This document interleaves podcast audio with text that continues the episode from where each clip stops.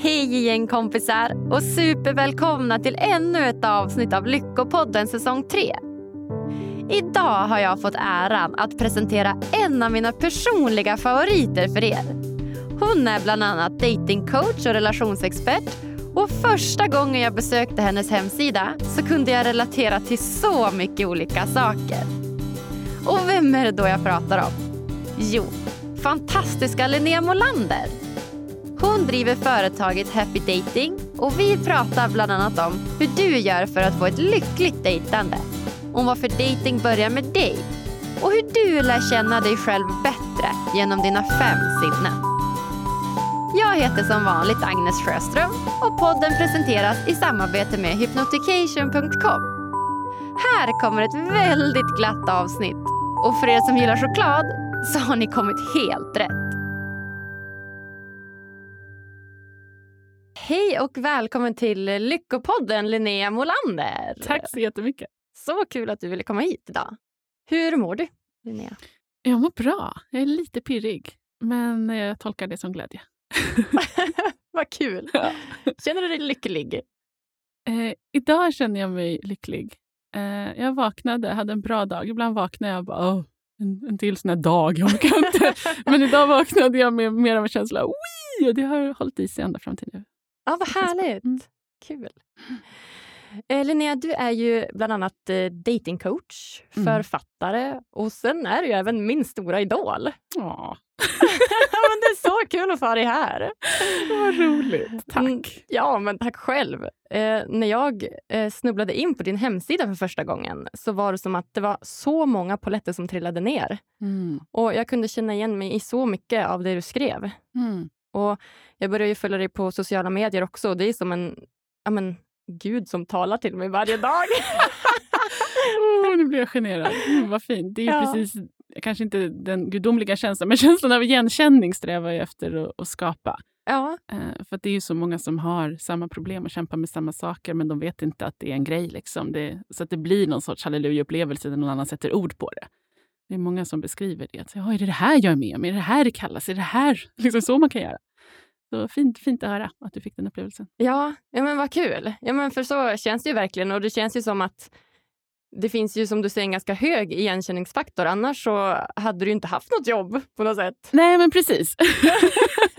det, det hänger ju på att folk känner igen sig. Och jag har ju, det har tagit mig ett tag att pinpointa vilka problem folk har. Liksom. Men det, när jag hade coachat ett gäng, som, i början så var det så här, jaha, men du låter ju som hon som var här för två veckor sedan. Men det här har jag ju hört förut. Och nu har jag ju märkt, efter jag har coachat över tusen personer, märkt att det är ju några väldigt tydliga återkommande mönster. Eh, så att när jag skriver ner dem på hemsidan så kommer ju folk känna igen sig.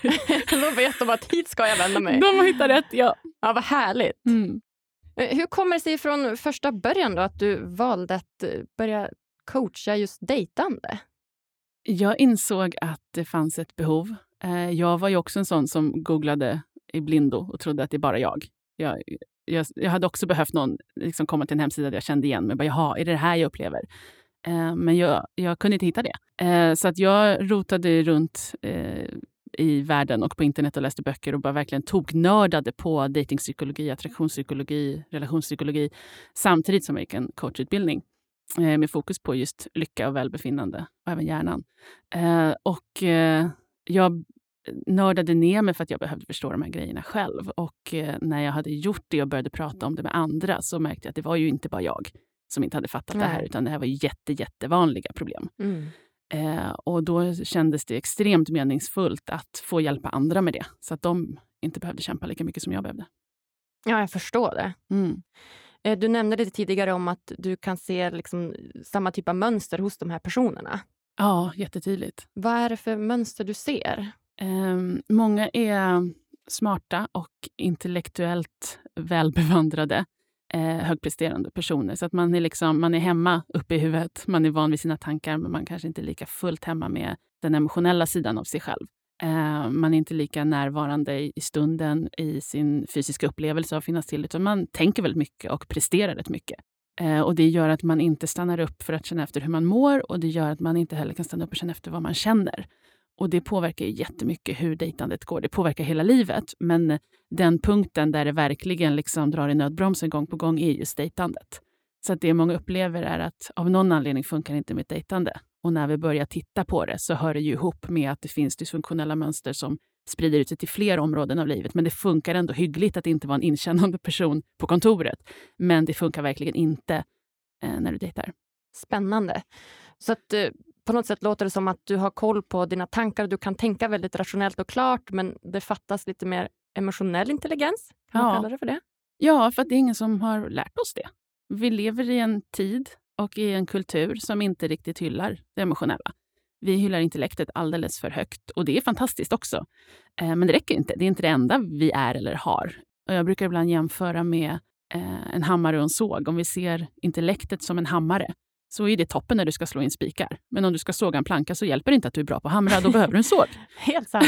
och det är precis så det funkar, att man försöker hamra sig fram i sitt dejtande för att man inte riktigt har den där sågen. Och man vet inte ens om att sågen finns. Man bara tycker det går jättedåligt när jag ska dela på min planka. Och när jag då i coachingen ger folk verktyg och säger här, det här är en såg, den funkar så här. Och alla blir men gud vad lätt det gick nu. Ja, för att du har ett verktyg. Alla behöver sin såg. Ja, ja, ja verkligen. Mm. Okej, och hur gör man då för att, för att hitta sin såg eller få tag på sin såg? Hur gör man för att lära sig att bli mer emotionellt intelligent? Till att börja med, tror jag, alltså det som är lite lurigt med mitt jobb är att den kontaktväg som finns är ju den intellektuella. Så att jag måste på ett intellektuellt vis, som klienten förstår, förklara emotionella saker som egentligen inte går att förstå med hjärnan. Men lyckligtvis så sitter ju den där hjärnan i en kropp som är en upplevelsemaskin. Och när man börjar få kontakt med sin egen upplevelse, sin fysiska upplevelse genom de fem sinnena och blir nyfiken på hur känns det att vara jag? Vad är min upplevelse av saker och ting istället för att bara tänka på vad tycker andra eller hur kommer det gå eller vad betyder det här? Eh, när du landar i den upplevelsen så kommer du få insikter om att men vänta här, här fanns det information som jag inte kan hitta när jag bara tänker. Du kan inte tänka dig fram till hur en chokladpralin smakar. Men stoppar du den i munnen så är det ingen tvekan, då vet du. liksom. Just det! Mm. Sant. Så att börja leva mer efter sina fem sinnen. Ja, börja uppleva ditt liv. man går miste om rätt mycket om man inte upplever sitt liv. Ja, det gör man. Ja, Verkligen. Ja. Så börja uppleva ett liv helt enkelt. Ja, den här uh, köttkostymen som du knallar runt i. Den är inte bara en piedestal åt hjärnan. Nej, precis. Utan dina känslor sitter i kroppen och en stor del av din sexualitet sitter i kroppen. Och om du nu har ambition om att uppleva en passionerad kärleksrelation, ja. då behöver du mer än din hjärna. Du behöver din kropp och dina känslor också. Ja. Mm. Spännande.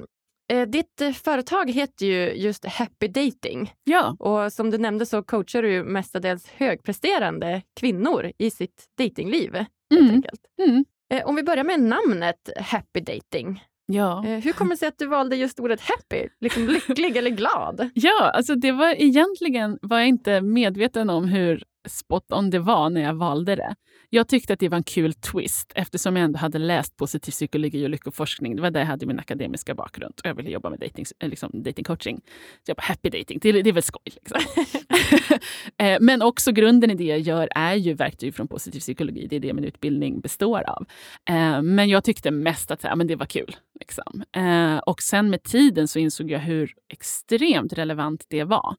För väldigt många datingproblem beror på att vi har för tråkigt och så tror vi att en partner ska göra att allting blir kul. Så, så funkar det inte. Verkligen inte. Nej. Så att jag brukar säga numera att happy kommer före dating av en anledning. Det heter inte dating happy. Nej. Det heter inte smart dating. det heter happy dating.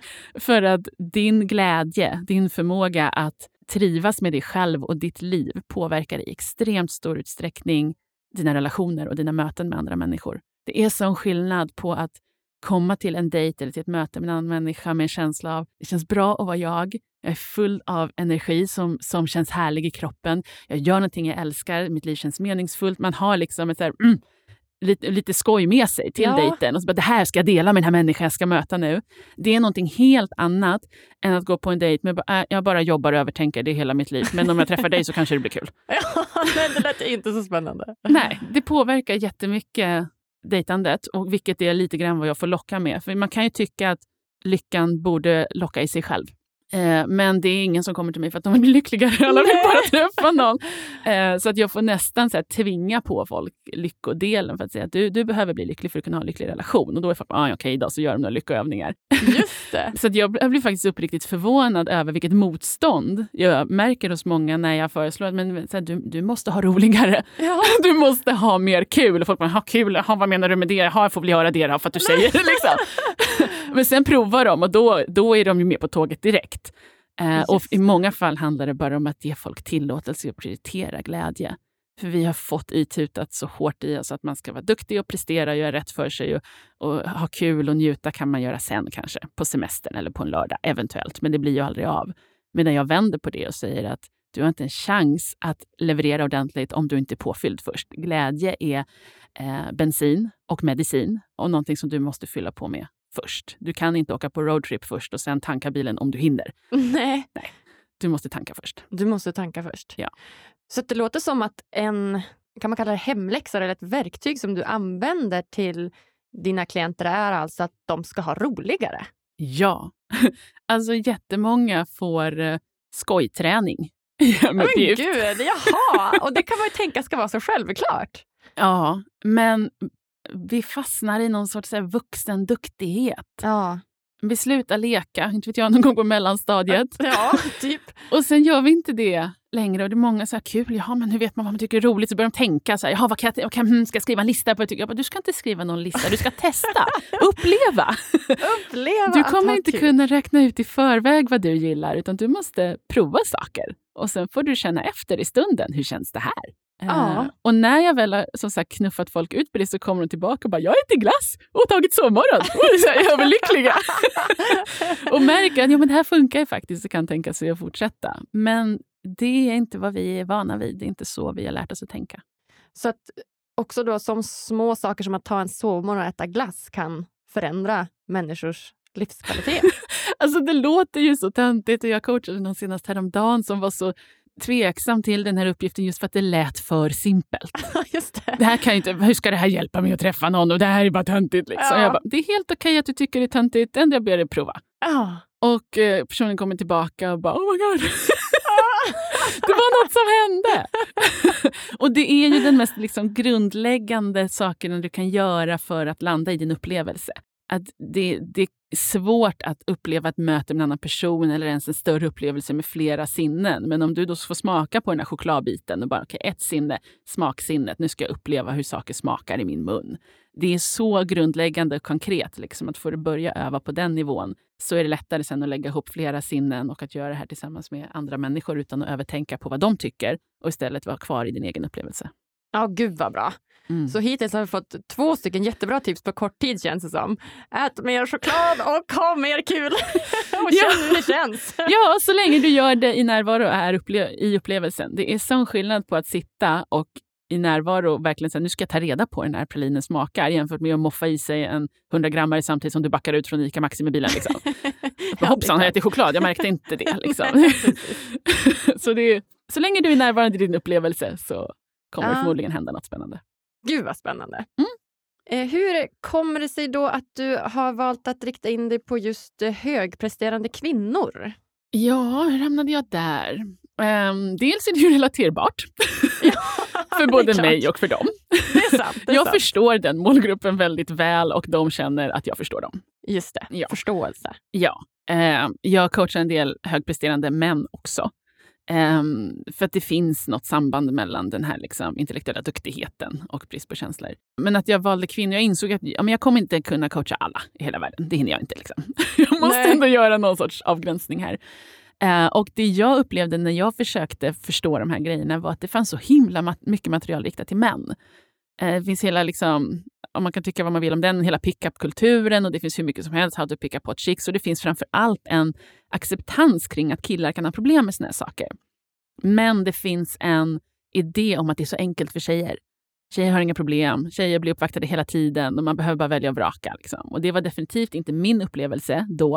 Och jag vet att det är jättemånga andra som inte heller upplever det, för att så är det inte. Eh, de som upplever det har en emotionell kompetens, de kan flörta, de har en enkelhet när det kommer till relationer. Men har man inte det, då spelar det ingen roll att man är kvinna, spelar ingen roll hur man ser ut, för att det är helt andra grejer som ställer sig i vägen. Och det vill jag lyfta. Jag vill lyfta det här tabut med att det är så jäkla lätt för tjejer. För att det här är mänskliga problem. Mm. Ja, jättebra. Gud, det låter ju supervettigt. Tack, skönt att höra. Jättebra. Du coachar ju främst singlar då, som jag förstår, som Mm. är inne i sitt dejtande. Vad är det som du upplever ofta står i vägen för singlars lycka? Gud, vilken bra fråga. Dels är det ju det här med att man är ovan vid att vara glad. Ja, just det. Man har inte övat, man har inte prioriterat att ha skoj. Eh, så att man vet inte riktigt hur det känns eller hur man gör. Eh, men det finns också en enorm yttre press. Det finns någon norm som säger att det är bättre att ha en relation än att vara singel.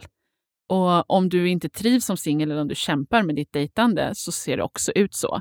Men det är ju inte så enkelt som att man blir glad av att ha en partner och ledsen av att vara singel. Utan har man, har, lever man ett fantastiskt liv som man gillar och man har fok- vet hur man gör när man har skoj, Ja. har övat på det, eh, så finns det tusen sätt att vara singel på som kan känna fantast- kännas fantastiska.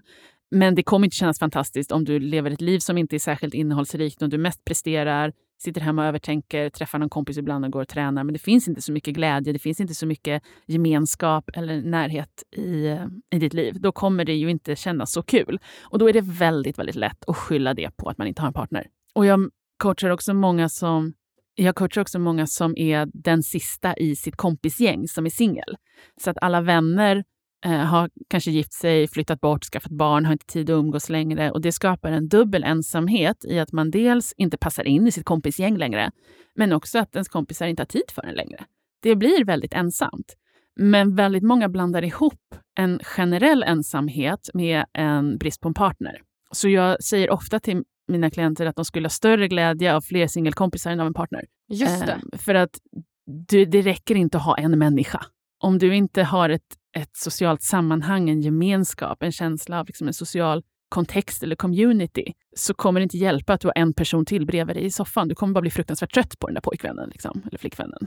Eh, så att vi måste också se till att vi lever ett, ett socialt rikt liv, vilket ju är en av grundpelarna i ett lyckligt liv. Vi behöver människor, vi behöver relationer. Inte nödvändigtvis en kärleksrelation, men vi måste ha människor i våra liv.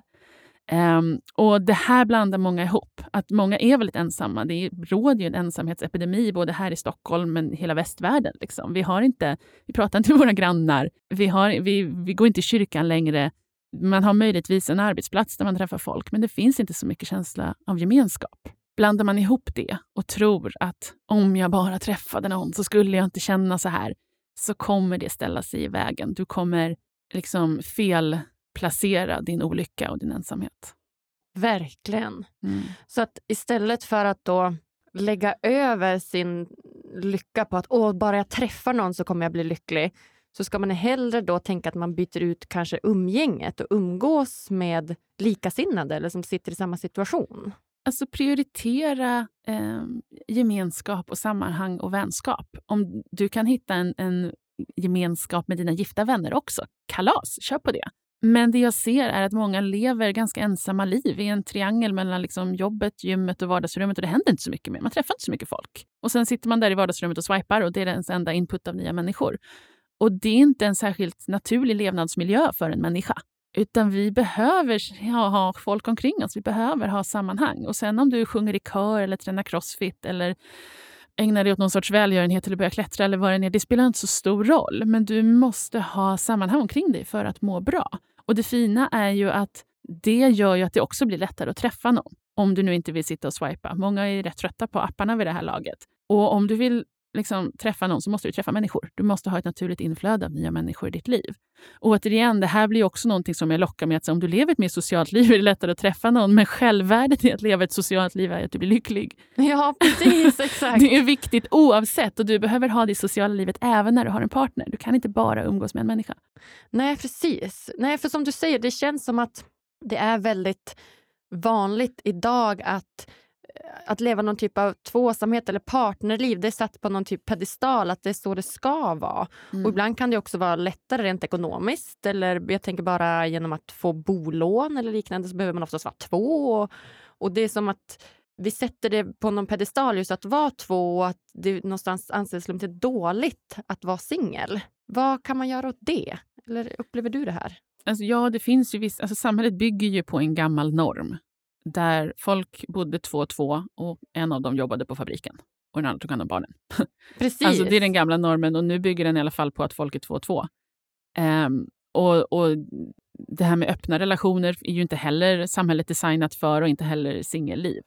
Och det är väl det vi på längre sikt kan eh, åtgärda. Eh, kan man absolut reflektera. Det tror jag måste ske en skiftning där. Hur, kommer vi, hur kan vi göra det? Hur kan vi liksom ändra den skiftningen i samhället?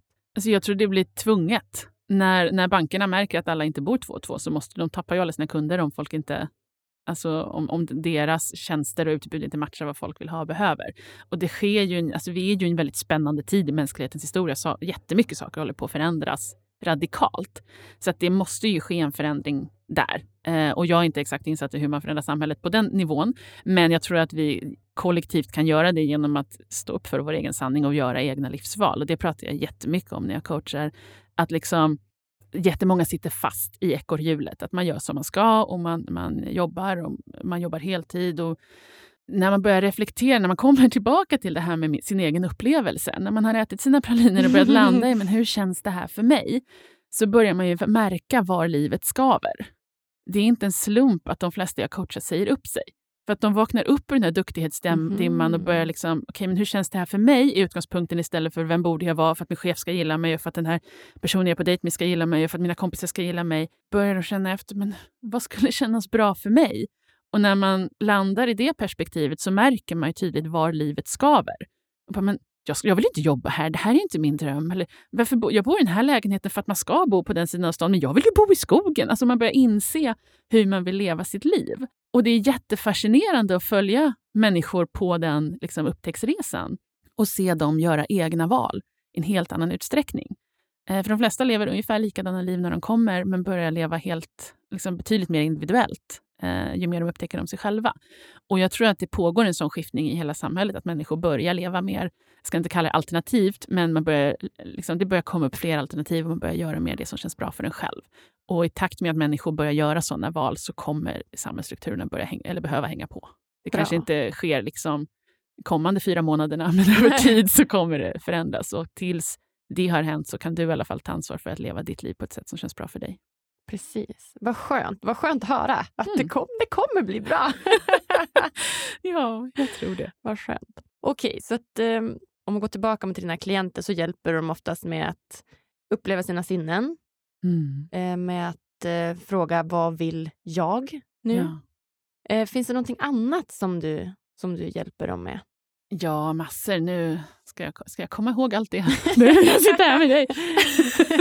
allt nu på en allt gång? Nu, ja. Nej.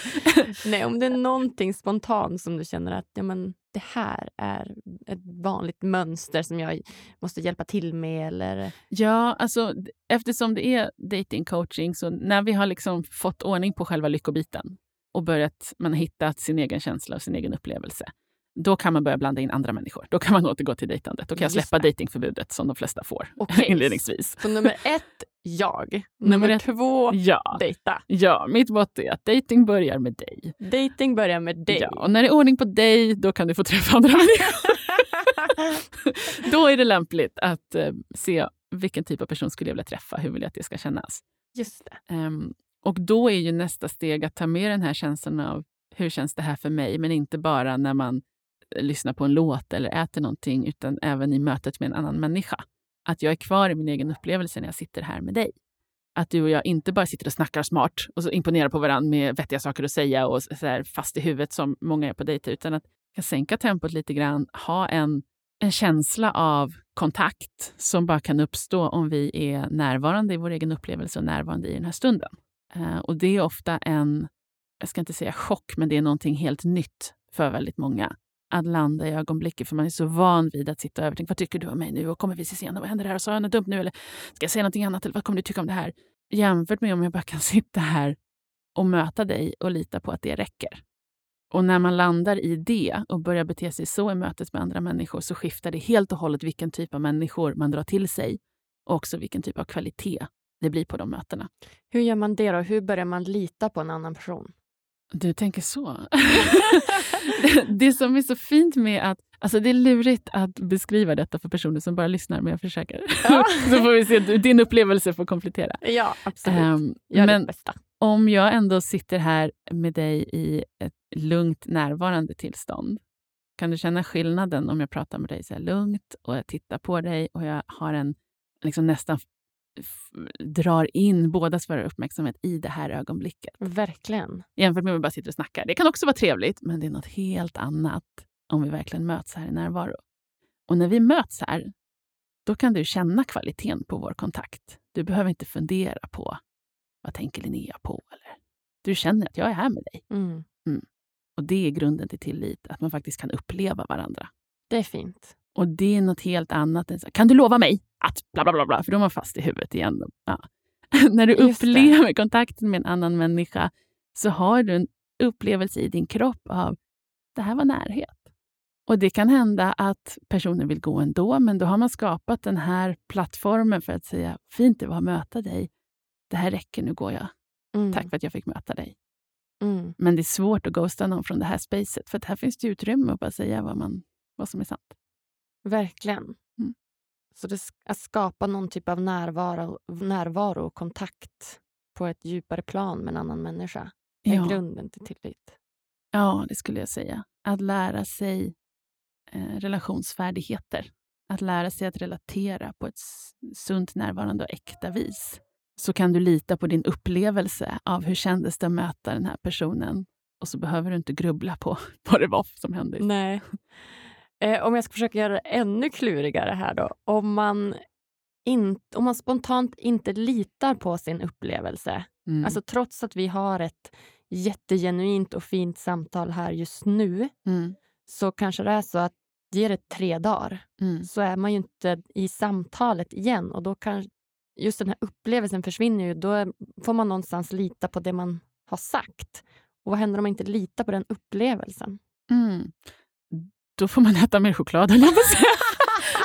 Okej, okay, tillbaka till chokladen. För det är lite, alltså om jag, om jag gör en absurd jämförelse är det som att ah, jag åt den här pralinen eh, häromdagen. Det var den bästa pralinen jag ätit i hela mitt liv. Men sen två dagar senare, ah, fast var den egentligen så himla god? Jag vet inte riktigt. Det är ungefär så man gör. Och då är ju problemet inte med relationen du har med den andra personen. Så du och jag har en härlig relation, men du och dina tankar har en lite mindre härlig relation. Just det. För att om tre dagar så går du och tänker, ja men vad sa Linnea där och menade hon? Hon kanske bara manipulerade mig och hon kanske gör som med alla, bla bla bla bla bla. Ja. Men det har ju inte med mig att göra. Då, då har ju du börjat dejta dina hjärnspöken och det är inte så kul. Och just det. Och hur gör man för att sluta dejta sina hjärnspöken? Man övar på att vara närvarande i sin upplevelse. Man övar på... det går ju runt, runt. Eller hur? Det kommer tillbaka. Det finns ett tema. ja, verkligen. Det finns ett tema. Ja, och till slut när man liksom har märkt att men det här med att uppleva, det funkar ju bättre än att gå runt och övertänka. Till slut så kommer till och med hjärnan fatta grejen och hänga på tåget. Och Då blir allting väldigt mycket lättare. Just det. Mm. Så man ska lyssna mer på sina upplevelser och mindre på sin hjärna? Ja. Eh, hjärnan har ju den fina förmågan att den kan hypotetisera, eller vad det heter. Den kan föreställa sig saker ur alla perspektiv som inte har med verkligheten att göra. Hjärnan kan fantisera. Det är toppen när man ska planera och tänka, ska vi göra si eller ska vi göra så? Men när du förhåller dig till någonting som faktiskt har hänt, så är det ju mindre fiffigt att du bara, ja fast var det ändå inte så här? Mm, jag vet inte. Och grejen är att om du inte är närvarande, till exempel på en dejt, då har du ju ingen upplevelse att komma tillbaka till. Då har du bara dina tankar. Du bara, fast hon kanske menade si, eller det kanske var så här, eller jag kanske missförstod allt, bla bla bla bla. bla. Men om du har ätit en chokladpralin och gillade den så är ju den upplevelsen den är svår att ifrågasätta. Liksom. Men många har växt upp i en familj eller i ett, liksom, olika kontexter där vi får våra upplevelser ifrågasatta. Och bara en sån grej som att bara, mamma, jag är ledsen. Nej, det ska du inte vara. Det är ett sätt att, jaha, aha, jag kanske kände fel. Det här stämmer nog. Jaha, okej, okay, mamma hade nog rätt. Till exempel. Det är en sån grej som gör att vi börjar tvivla på våra upplevelser. Men om man har erfarenhet av att få sin upplevelse ifrågasatt så behöver man lära om och komma tillbaka till att jag kan faktiskt lita på min upplevelse. Och när du landar i att du kan lita på din upplevelse så är det jättemycket lättare att lita på upplevelsen av att möta en annan människa. Just det. Och det är också mycket lättare att låta andra människor ha sin upplevelse. Att om du det. kände något annat än jag så är det okej. Det var bara vad som hände i, i din kropp i den stunden. Och det kan jag ju respektera. Det kanske inte var vad jag ville, det kanske inte var jättekul. Men det, jag vet att det handlar inte om mig. Jag behöver inte övertänka. Så, varför hatar du mig? Utan bara, "Aha, men du upplevde det så, vad intressant. Just det.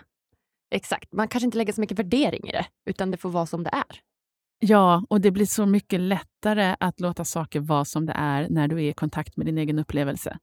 För att den är liksom sann. Om du eh, klappar en katt så är ju det för att katten är där.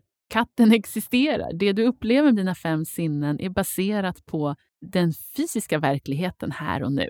Och när du börjar lita på den så är det inte lika viktigt vad någon annan tycker. Men om du inte har din fysiska upplevelse så är det enda du har att gå på dina tankar och vad andra tycker. Och då blir det jätte, jättesnurrigt för att alla andra är jätte, jättemånga och de tycker olika hela tiden. Och din hjärna kan hitta på vad som helst.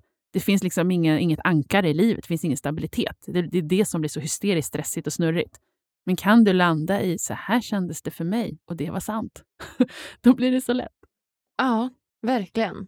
Som är närvarande och litar på sina upplevelser. Ja, och lyckligtvis så kan du öva på det bara genom att göra fler härliga saker. Mm. Lyssna på en låt du älskar, ät något som smakar gott, lukta, gå in i en parfymaffär och ta reda på vad som luktar allra härligast där inne. Ja. Det börjar liksom där. Ja, det är helt fantastiskt och så enkelt att kunna göra själv.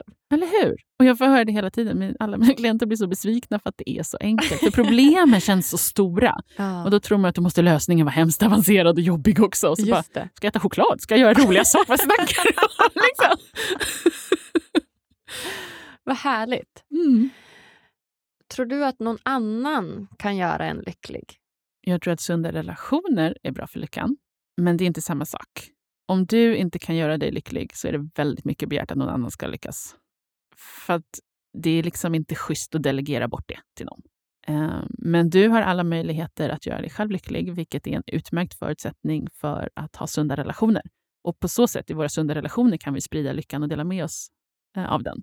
Men du kan nog inte räkna med att någon annan ska dyka upp och bara puff, nu har jag gjort ditt liv bra. Eh, jag brukar säga att letar du efter personen som ska förvandla eller transformera ditt kärleksliv eller ditt liv, då får du titta i spegeln. Den personen finns och jag och andra coacher kan hjälpa till. Men du kan inte lägga över till exempel lyckan i ditt kärleksliv till att hoppas att en främling bara ska dyka upp och lösa alla dina datingproblem. Det går liksom inte. Nej, det låter ju väldigt orimligt när du lägger upp det så. Ja, Ja. ja men det är väldigt många som bara, ja men datingproblem, med rätt person kommer allt bli bra. Nej, du behöver vara rätt person. Du behöver vara en person som har rätt ut sina datingproblem. Då kommer det bli bra. Mm, helt sant. Just det här med att veta vad man vill. Mm. Att det är en nyckel till det. Att man ska veta vad man vill och utgå från vad man själv vill. Mm. När man inte vet vad man vill, Ja. Vad gör man då? Ska man fortsätta äta choklad då? Alltså nu, nu blir jag som en här, repig skiva här, men då får man ta reda på det genom att prova. Jag Okej. hade en gång, det var en stor livsavgörande ögonblick i en helt vardaglig grej. Jag skulle gå och fika med en kompis och hade Ja. beslut, så jag visste jag kladdkaka, prinsesstårta. Ja, och, och det är så mycket val. Ja, jag kunde verkligen inte välja vad jag skulle ha för fika. Så frågade jag min kompis, och bara, men hur vet man vad man vill? Och han bara, ja, man provar. Ja. Jag bara, ja, det Jag tar en av varje. Ja, och kanske men jag kan ta en idag, något annat imorgon. Ja. Och till slut så kommer jag ju veta att okej, men den där lakritstårtan tyckte jag inte om, men den här semlan den var mumsig. Just det. Ja, men om jag bara hade stått där och bara, mm, ska jag äta den eller mm, läsa ingredienslistan och jag vet inte, mm, och jämföra priser, skulle inte komma fram till någonting. Nej.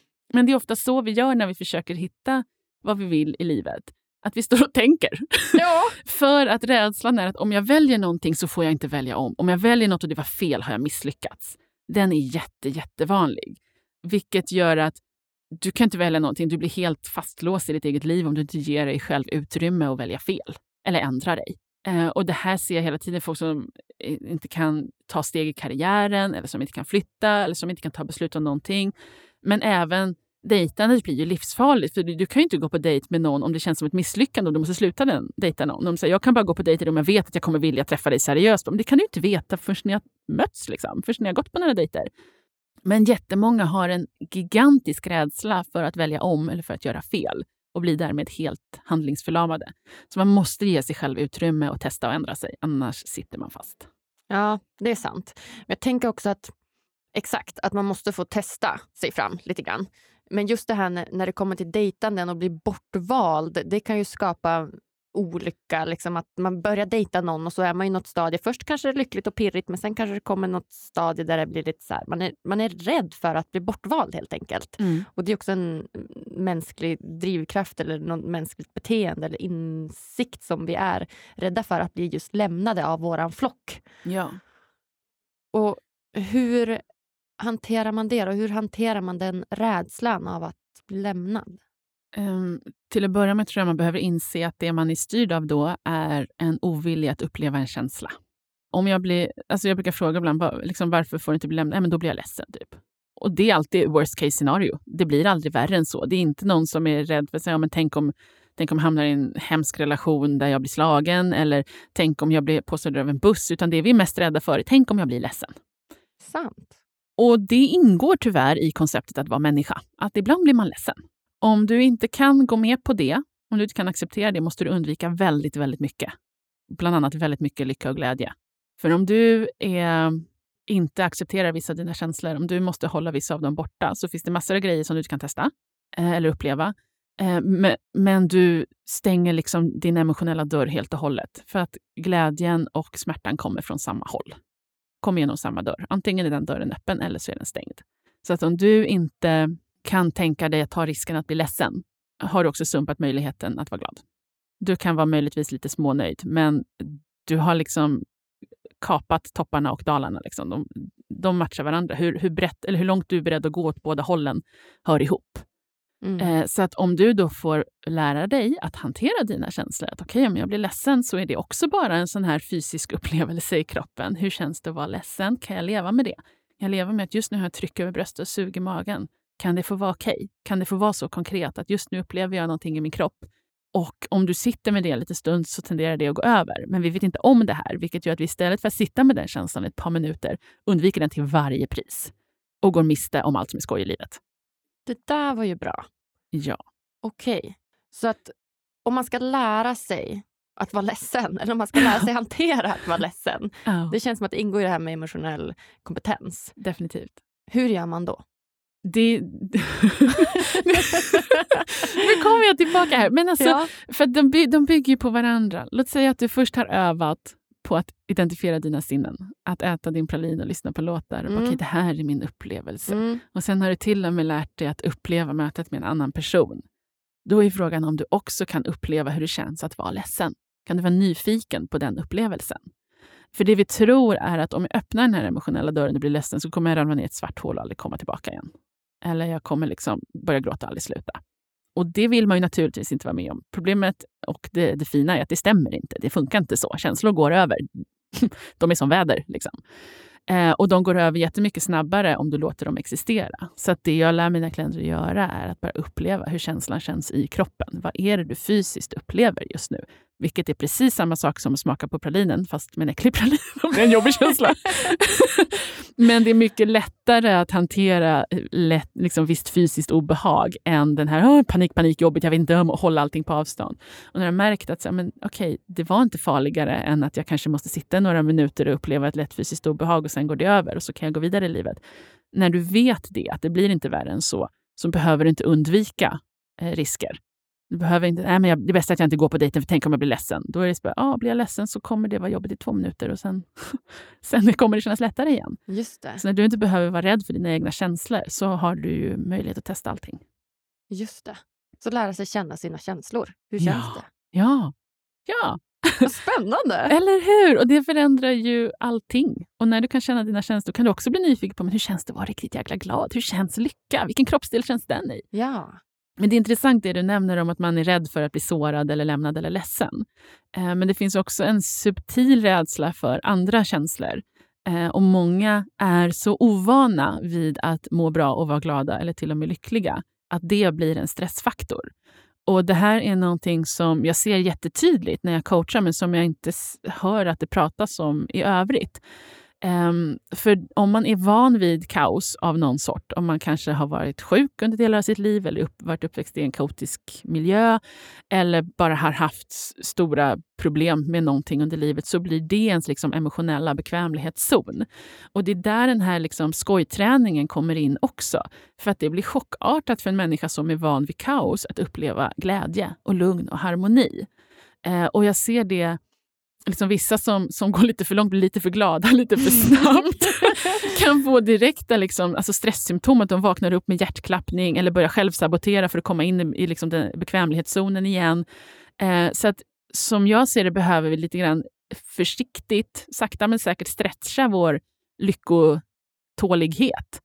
Eh, för är du van vid kaos så kommer det bli chockartat att befinna dig på ett ställe där allting bara funkar och är bra och känns härligt. Okay. Du kommer inte veta vad, vad är det som gäller här, vad är det här för något? Liksom.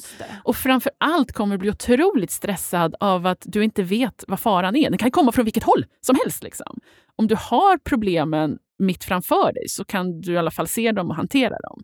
Men om problemen är borta så är det nästan att man blir så extremt misstänksam mot allting för man förväntar sig att okej, okay, jag vet att livet måste vara kaotiskt. Vad kommer hända nu? Liksom. Okay. Så man måste lite grann här, träna om nervsystemet och programmera om hjärnan lite. Så, men vänta, det, det är okej okay att det är bra. Det är lugnt. Jag måste inte ha kaos för att stå ut. Okej. Okay.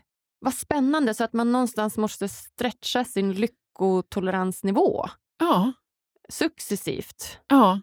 För att man är så van vid att världen är någonting annat. Att man är rädd, alltså att man är van med ett kaos, som du säger. Ja. Och att man då utefter det måste hela tiden stretcha sin lyckotolerans för att det ska kännas bekvämt. Precis. Och just eftersom att, som vi var inne på, känslor är fysiska sinnesförnimmelser. Alltså det är inte bara någon, någonting fluffigt, utan det är fysiologiska reaktioner med hormoner som rör sig i kroppen. Och de kan vi bli beroende av. Om du är van vid att vara arg, kommer du liksom få fysisk abstinens av att inte vara arg för att det något känns fel i kroppen. Just det. så att man måste lite grann gå på avvänjning rent fysiologiskt för att känslor är fysiska saker som är högst konkreta. Och, och, Det kan du ju göra precis som att du kan sluta röka eller sluta äta socker. Eh, och Då kan du sen lära om till någonting annat. Men det som blir problematiskt är att vet vi inte om det här så tror vi att alla kan vara lyckliga och det är målet med livet och det är så här kan man göra. Liksom. Men ingen har sagt att ah, du kan få panik av att vara lycklig också. Nej. Då kommer man ju bli jätteförvirrad. Vad är det som händer med mig? Vad är det för fel? Varför kan jag inte vara glad? Eh, men det här är en helt normal reaktion som är vanlig för många. Så man behöver tar det i små steg. Och Jag pratar ofta om det när jag coachar, att om man är van vid att dejtandet bara tokstrular. Då hjälper det inte om jag säger varsågod, eh, Agnes, här har du världens bara mest fantastiska, perfekta person. Dejta den människan och du är van vid kaos och strul, du kommer, du kommer få panik. Men nu, nu ringde han, han sa att han skulle och så gav han mig en komplimang. Vad är det här för något? Vad gör jag nu? Och jag känner mig inte värd det här. Och liksom, det blir Just för det. rörigt. Så du måste vänja dig vid så här, så här känns det när någon är snäll mot en. Så här känns det att vara glad. Man kan liksom inte gå från kaos till eufori i ett steg. Nej. Utan man måste börja med att bara plocka bort det jobbiga som man är beroende av och hitta lite lugn och ro. Och sen kan man sakta men säkert börja plocka in lite härligare grejer. Spännande. Okej, Linnea, då har vi kommit fram till de sista frågorna här. Mm, spännande. Jättespännande. Är det en grej? eller? Det är en grej. Jag tänkte att vi kör som en grej. Mm. Ja. Och eh, Nu har vi pratat väldigt mycket om hur du coachar dina klienter mm. och vidare om lycka. Men vad är lycka för dig? Uh. alltså jag är en väldigt entusiastisk människa. Eh, eller vi kan kalla det emotionellt rörlig. Okay. Så jag har lärt mig om mig själv att det krävs inte jättemycket för att jag ska bli ganska förtvivlad, men det krävs inte jättemycket för att jag ska bli superglad heller. Okay. Eh, och jag, det är ju både en styrka och en svaghet som jag får se till att använda till min fördel. Så att jag tar ju det här med skoj på största allvar. för att om jag inte har skoj så blir jag ganska ordentligt olycklig. Jag måste prioritera mitt välbefinnande, särskilt eftersom jag försörjer mig på att se till att andra, alltså hjälpa andra människor att vara glada. Om jag inte är glad har jag inte så mycket att bidra med. Liksom. Nej, precis. Nej. Um, så att jag är ganska mycket inne på det du har snackat om, bara så här gammalt hederligt skoj. Att ja. Jag har övat upp min förmåga att uppskatta vardagssaker. Ja. Um, du kanske ser lite, lite glitter på mig idag på en Jag tisdag. ser det, det är jättefint! det är en sån sak som gör mig extra glad. oh, vad härligt! Uh, bara sitta på en restaurang med en bok och, läs, eller, och, och dricka ett glas bubbel då och då. Um, att se till att fylla mitt liv med människor som ger mig glädje. Uh, att bara alltså så enkla grejer som... Alltså, jag kommer tillbaka till de fem sinnena, men Ja. kroppen är inom citationstecken lättlurad. Okej. Vilket gör att den är lätt att påverka. Alltså det fyller på med oxytocin. Liksom. Ja, Gör grejerna det. som känns härligt. Ja, vad härligt! Ja, så det prioriterar jag jättemycket och jag uppskattar det väldigt mycket. Att jag har skapat ett liv som möjliggör att jag kan prioritera mys och glädje och skoj och relationer och närhet. Det förstår jag. Mm. Vad härligt. Eh, Om du fick ge lyssnarna en utmaning som de kan göra varje dag för att bli lite lyckligare, Uh. vad skulle det vara? Vad skulle det vara? Ja, men då, då får jag ju konkretisera det vi har pratat om hela tiden. Skriv ner de fem sinnena på en lapp. Och sen så klurar du ut en sak som du kan göra för varje sinne som känns bra. Vad kan du lyssna på som är härligt? Vill du gå ut i skogen och lyssna på knak eller snö under fötterna eller fåglar eller vad det är? Eller vill du lyssna på din favoritlåt eller inte vet jag vad du gillar? Och så gör du så här på respektive sinne och så avsätter du en stund antingen ett sinne om dagen eller ja, så mycket du har tid och lust med eh, för att landa i din upplevelse och prioritera saker som känns bra. Jättebra. Mm. Kan du ha en stunds njutningsträning varje dag, Ja. så även om det bara är en minut eller fem minuter, så är du på god väg redan där. Gud, det måste jag prova. Jag gör det. Ja. Vem hade du velat ska gästa Lyckopodden? Ooh.